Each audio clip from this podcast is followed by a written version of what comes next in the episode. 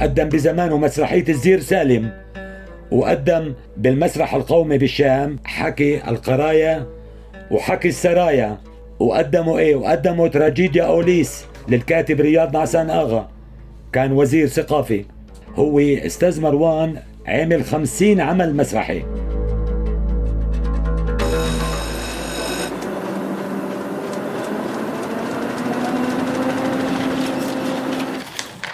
عنب بلدي بودكاست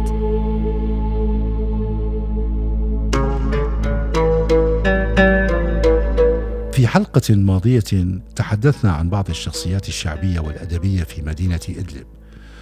ضيفنا اليوم محمد قوصرة كان من أحد المشاركين والمساهمين والمهتمين بالمسرح. ضيفنا لم يتحدث عن نفسه إنما وجد تلك الفرصة للحديث عن الفنان والمخرج والمؤسس لفرقة المسرح في محافظة إدلب إنه مروان فنري. ولما له من فضل في إحياء نشاط مسرحي جاب كل المحافظات وشارك بعدة مهرجانات.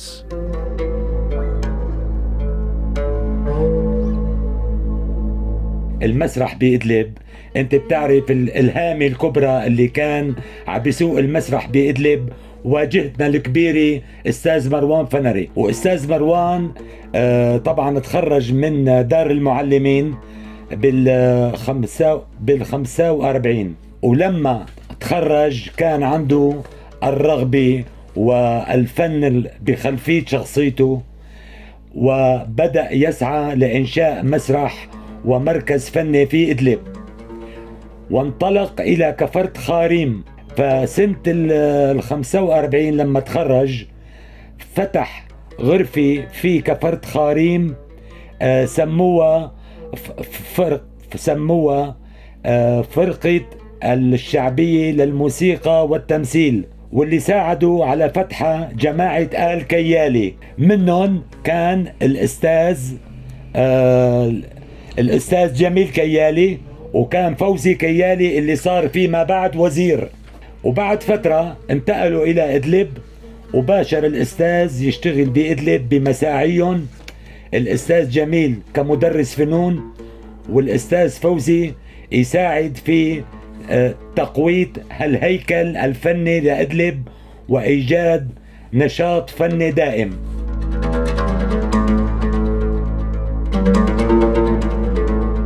النصوص كان يكتبوا لهم عدة أشخاص كان في من الناس اللي كتبوا اللي كتبوا في كان الأستاذ مصطفى شحود كتب فيما بعد. أما بوقتها بوقتها كان في كمان اشتغل معهم بالتمثيل نجاح قباني واشتغل معهم آه، بالفرقة الموسيقية الفرقة الشعبية لجماعة إدلب.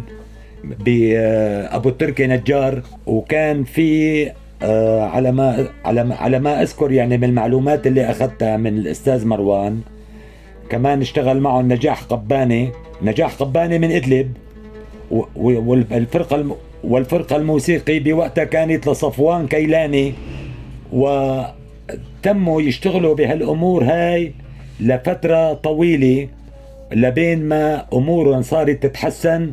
وانطلق وانطلقت صيت المجموعة لجأوا إلى صالة سينما الزهراء يستعيروا المسرح تبع السينما من أجل إنشاء المسرحيات. البروفات كانوا يشتغلوها بالمكتب اللي استأجروه بكفرت خاريم بعدين بإدلب صاروا يلجأوا إلى مركز الفنون الشعبية.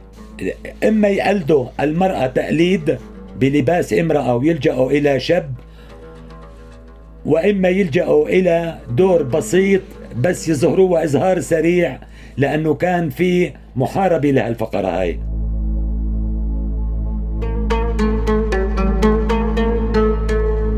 قدم بزمانه مسرحية الزير سالم وقدم آه، مسرحية مسرحية آه، آه، بالمسرح القومي بالشام حكي حكي القرا حكي القرابي حكي القرايا وحكي السرايا وحضرة محمود عدوان هاي بالألفين. وقدموا إيه؟ وقدموا تراجيديا أوليس للكاتب رياض نعسان آغا. كان وزير ثقافي. هو أستاذ مروان عمل خمسين عمل مسرحي. يعني هلا أنا شاركت بتراجيد أنا شاركت بتراجيديا أوليس. وشاركت بأخت الشهيد لعلي مصطفى أمين. وشاركت بالفيل يا ملك الزمان. أنا أحد العناصر. الجمهور كان كتير كتير كتير متعاون وكان هلأ بالمناسبة الأستاذ مروان فنري باعت 13 صحيفة فيها صور من من 59 لبعض المسرحيات وفيها صور بالستين وفي صور بالسبعين وكلها صور رائعة للمسرح وعناصر المسرح وهياكل الديكور. وأسماء الناس ومين اللي مشارك كلياتها موجودة عند الأستاذ مصطفى.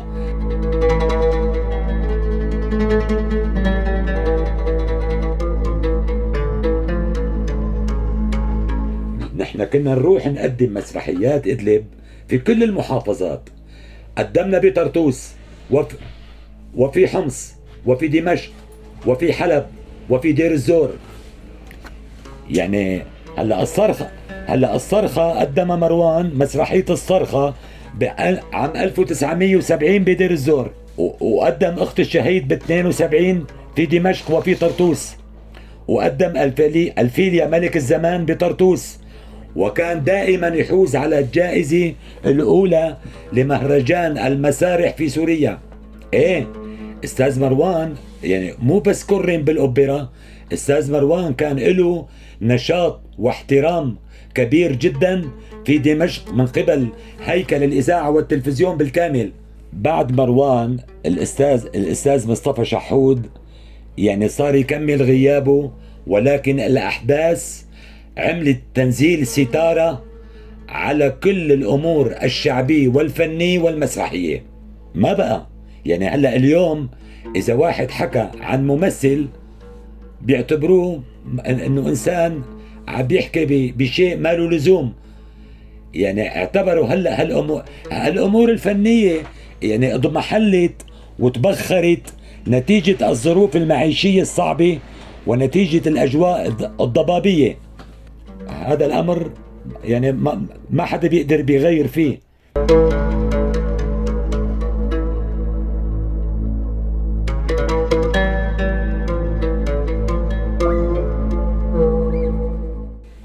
يعني حكاية أيام زمان الحكواتي. آه آه آه في عندك مسرحيات الأطفال مسرحيات المهرجانات. هلا في عندنا المهرجان تبع إدلب مهرجان البلد إدلب المنسية. ضل أربع سنوات بإشراف مروان فنري ومتابعته وحقق نجاح ضخم جدا جدا. وكتب الأستاذ مروان مسرحية يعني ولكن مات بال 2011 وقفوها والشام نفسها ما بقى ما بقى تهتم بكتابات إدلب لأنه تحولت البلد إلى المواجهة للأحداث. أنا على ما أذكر المسرحية اللي كتبها حضرته مروان فنري كان اسمها مجنون مسرحية مجنون كتبها ولكن ما وصلت للنشر. يعني ما ما تنشأ ما ما توثقت ولا تنفذت. لا لا لا, لا اخذت موافقة بس ما اخذت موافقة بالنشر والتمثيل لأنه صار هذا الحكي بال 2011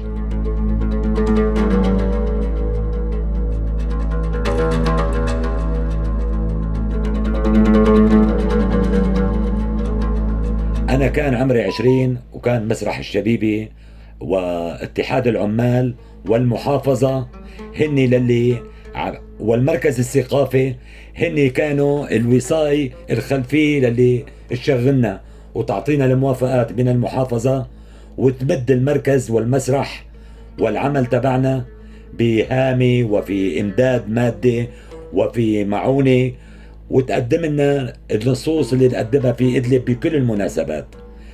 أنا طبعا لما انسحبت على الجيش بال 77 رجعت من الجيش بال 81 وخف العمل.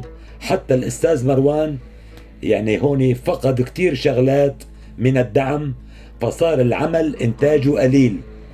يعني صار يطلع العمل بسيط ومتباعد وفي أوقات متباعدة جدا.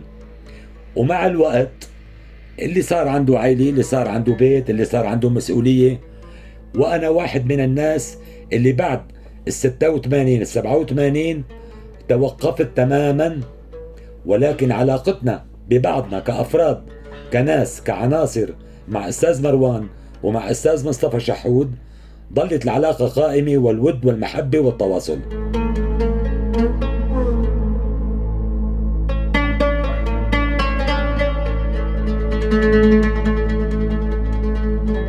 إيه، بذكر أساتذة متميزين جدا. الأستاذ الأول الشيخ نافع شامية. نافع شامي. كانت مدرسته بشارع الجلاء جنب قهوة غزال. هلأ المنطقة انهدت كلها وصارت عبارة. أنا درسني الصف الأول والثاني بمدرسته للي كانت بشارع الجلاء. مقابيل المصور صبحي بيدو بعد المنة انتقلت انتقلت إلى المدرسة الابتدائية بالسنة الثالثة الصف الثالث وكانت مدرستي مدرسة إبراهيم هنانو. كان أستاذنا المرحوم عبد عبد الحميد رجب. والأستاذ الله يرحمه عدنان شبة. والأستاذ أحمد زيداني. والأستاذ عبد الله حمرون. وانتقلت بعد المنة إلى الإعدادية البعث. وكان مديرنا الأستاذ الله يرحمه صبحي مبيض وكان أستاذ محروس بركات. وكان الموجه التربوي لأن الأستاذ الكبير الله يطول عمره مروان فنري. وانتقلت بعدين لثانوية المتنبي وكان الأستاذ أحمد قطيع الله يرحمه وكان الأستاذ أحمد يونسو وكان الأستاذ أحمد نجار الله يطول عمره لا زال موجود من إخواننا الدروز في الشمال الأستاذ أحمد نجار. وكان وكان أستاذنا التاريخ والاجتماعيات الأستاذ عبد الله حياني رحمه الله. الهياكل العظمى في التدريس رحمهم الله جميعا. وأخذ مكان الأستاذ حسان شامي مكان والده الشيخ نافع شامي. حسان شامي موجود حاليا بعين تاب له باع طويل في التدريس وفي الإدارة للتدريس والمدرسة وحافظ وحافظ للقرآن وكتب السنة ومكتبة والده هضمها أكثر من مرة. أبو سلطان رحمه الله وعمه الشيخ اللي توفى. عندهم فرقة موسيقية آه، جده لأبو سلطان. هن هذا هذا أبو سلطان شهاقة أبو سلطان شهاقة. وكان صوته جميل جدا. وكان بياع بوظة متجول في إدلب ومحبوب من قبل البلد كلها رجل راقي وفنان واجتماعي وفقير وطيب جدا. وساهم بأكثر من مسرحية وفي أغاني فلكلورية شعبية مع أستاذ مروان. وكان له غنية أنا بذكرها آه غناها على المسرح يا فلافل طاب العيش أبو سلطان لك لك ليش؟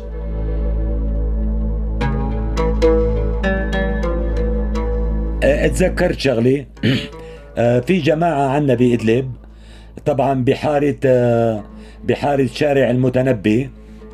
جماعة آه، من بيت آه، من بيت آه، داقل. شخص شخص في رمضان. طبعا هذا الحكي بال بال بال 55 أو 60 بين ال 55 وال 60 حكى لي إياها والدي. برمضان شخص راح جاب صينية كنافي وأعطاها لبائع الحلو وقال له روح ودي لي إياها عدار محمود داقل. وعلمه شو يعمل. علمه شو يعمل. فأخذ صينية الكنافة وراح دق الباب على الباب على المرأة. قال لها وين جوزك؟ أبو خالد. قالت له ما أجى على البيت لسه. قال لها بعت معي صينية كنافة. افتحي لي الباب. الباب فردتين. افتحي لي الباب مشان أعطيك الصينية. ففتحت الفردة الأولى والثانية مد إيده ليعطيها الصينية وهي حيطة ملاية على وجهها. مشان ما يشوفها. فلما مسكت الصينية قال له مو أنت مرته الجديدة؟ قالت له أين مرته جديدة أنا مرته القديمة أم أولاده وقام شد الصينية منها. قال له عفوا أنا غلطت. هو بعتني لعند مرته الجديدة. وسحب الصينية وراح ي... وصراح يرقد. فكانت سهرة أبو خالد نهارا سودة ما نام الليل وحردت عند أهلها وقامت لقيامي مع العيلة وبدهم بقى يثبتوا إنه ما في زوجة تاني ولا في عروس جديدة. ما بقى يعرفوا حتى راحوا جابوا الصانع اللي جاب الصينية وحلف يمين على القرآن لأهلها لحتى صدقت ورجعت على بيتها. إيه نعم. لا هي واقع هي صارت هي صايرة. هاي من نهفات أهل إدلب.